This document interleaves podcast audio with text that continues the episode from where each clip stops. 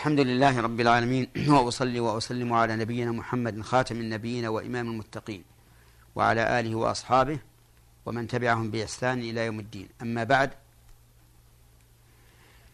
كنا تكلمنا في الحلقة السابقة في تفسير قول الله تعالى كان الناس أمة واحدة فبعث الله النبيين ومبشرين ومنذرين إلى آخر الآية. وفي هذه الآية فوائد. منها أن الناس كانوا على دين واحد وهو الذي يدين به أبوهم آدم. لأنهم كانوا إذ ذاك قلة لم تتفرق بهم الأهواء ولم ينتشروا في الأرض ولم يختلف الناس.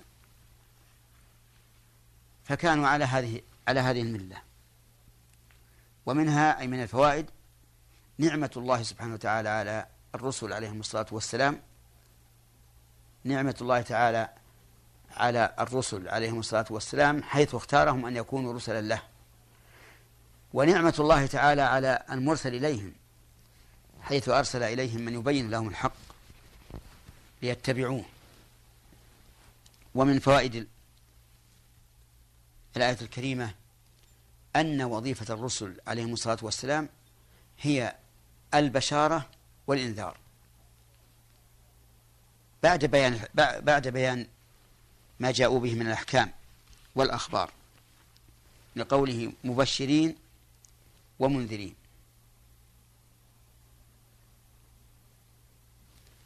ومنها أي من فوائد الآية الكريمة أن أحكام الله عز وجل قسمان. قسم يصل به العبد إلى غاية السعادة. وقسم آخر إذا خالفه إيه، نعم. قسم آخر يصل به العبد إلى غاية الشقاوة إذا خالفه. ولذلك جاءت الشرائع أوامر ونواهي. واعبدوا الله ولا تشركوا به شيئا. وبالوالدين إحسانا. ولا تقل لهما أف. فلا تقل لهما أف. وما أشبه ذلك.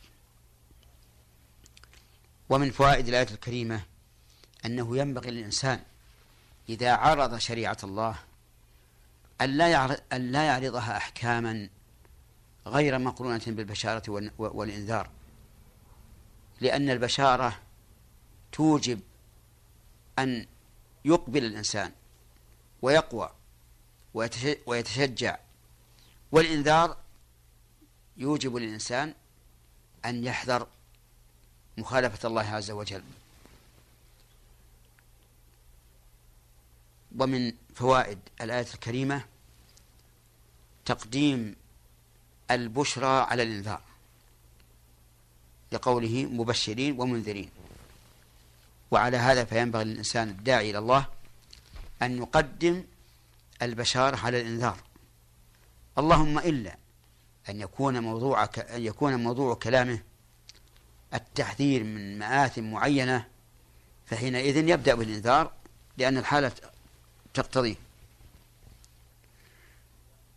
ومن فوائد الآية الكريمة وأحكامها أن الرسل عليهم الصلاة والسلام معهم كتب من الله وأنزل معهم الكتاب وأن لكل نبي كتابا فيه الشرائع المناسبة لقومه. ومن فوائد الآية الكريمة أن كل كتاب مع, مع نبي فإنه نازل من عند الله وليس من قول النبي بل هو من عند الله عز وجل. ومن فوائد الآية الكريمة أن الكتب الإلهية كلها حق نازلة بالحق أخبار صادقة وأحكام عادلة ومصالح مرموقة ومطلوبة ومفاسد مرهوبة مخوف منها. لقوله تعالى أنزل معهم الكتاب بالحق. ومن فوائد الآية الكريمة وأحكامها أن الكتب الإلهية التي نزلت بها التي أنزلها الله على الرسل حق. ولهذا كان من من أركان الإيمان الإيمان بكتب الله عز وجل.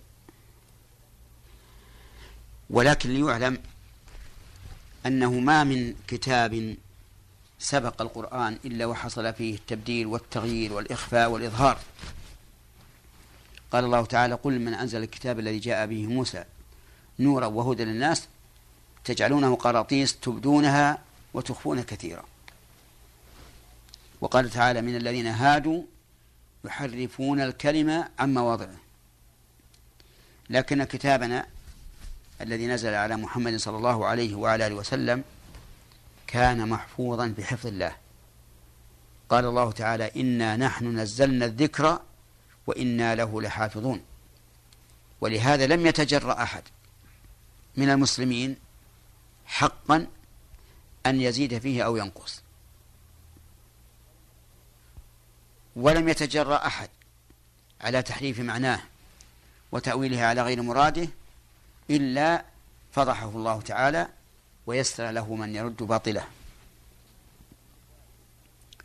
ومن فوائد الآية الكريمة وأحكامها وجوب الرجوع إلى كتب الله تعالى التي أنزلها مع الرسل لقوله تعالى ليحكم بين الناس فيما اختلفوا فيه. ومن فوائدها وأحكامها أن الحكم بين الناس إلى الله عز وجل. ليس إلى القوانين الوضعية المخالفة لشريعة الله وليس إلى الأهواء والأمزجة والأذواق بل هي إلى الله عز وجل لقوله تعالى ليحكم بين الناس فيما اختلفوا فيه. ومن فوائدها الإشارة ولو على بعد إلى أن إجماع هذه الأمة حق. لقوله فيما اختلفوا فيه. وظاهر ويفهم من هذا أن ما اتفقوا عليه من الحق فهو من فهو من فهو مقول عند الله. يعني فيه الإشارة إلى أن ما اتفقت عليه الأمة من الحق فهو مقبول عند الله عز وجل. ومن فوائد هذه الآية الكريمة وأحكامها أن الذين اختلفوا في الكتاب بعد إنزاله قد قامت عليهم الحجة. لقوله وما اختلف فيه إلا الذين أوتوه من بعد ما جاءتهم البينات. ومن فوائد الآية الكريمة الحذر من الاختلاف في الكتاب. وأن هذا من البغي والواجب الاتفاق على ما جاء في الكتاب. لقول الله تعالى شرع لكم من الدين ما وصى به نوح والذي أوحينا إليك وما وصينا به إبراهيم وموسى وعيسى أن أقيموا الدين ولا تتفرقوا فيه. ومن فوائد الآية الكريمة منة الله عز وجل على عباده المؤمنين حيث هداهم لما اختلف فيه الناس. قال الله تعالى فهدى الله الذين آمنوا لما اختلفوا فيه من الحق بإذنه. ومن فوائد الآية الكريمة أنه كلما قوي الإيمان ازداد الإنسان هدى. ذلك لأن الله تعالى علق الهدى على وصف الإيمان والحكم المعلق على وصف يزداد بزيادة ذلك الوصف وينقص بنقصه. ويشير إلى هذا قوله تعالى والذين اهتدوا زادهم هدى وآتاهم تقواهم. ومن فوائد هذه الآية الكريمة وأحكامها منة الله عز وجل على العبد إذا هداه حيث إن هدايته لذلك بإذن الله عز وجل. ويتفرع على هذا فائدة مهمة عظيمة وهي أن لا يعجب الإنسان بنفسه ولا يفخر بنعمة الله على غيره فإن هذا بإذن الله عز وجل وفضله وهدايته. ومن فوائد الآية الكريمة وأحكامها أن الله تعالى له الحكم المطلق في هداية من شاء وإضلاله لقوله تعالى والله يهدي من يشاء إلى صراط مستقيم.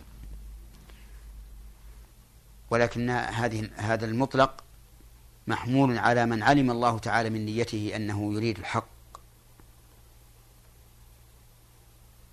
فلما زاغوا أزاغ الله قلوبهم والله لا يهدي القوم الفاسقين.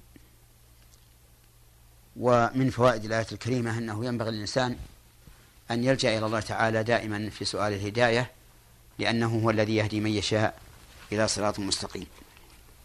نسأل الله تعالى أن يهديه صراط أن يهدينا صراطه المستقيم صراط الذين أنعم الله عليهم من النبيين والصديقين والشهداء والصالحين. وإلى حلقة قادمة والسلام عليكم ورحمة الله وبركاته.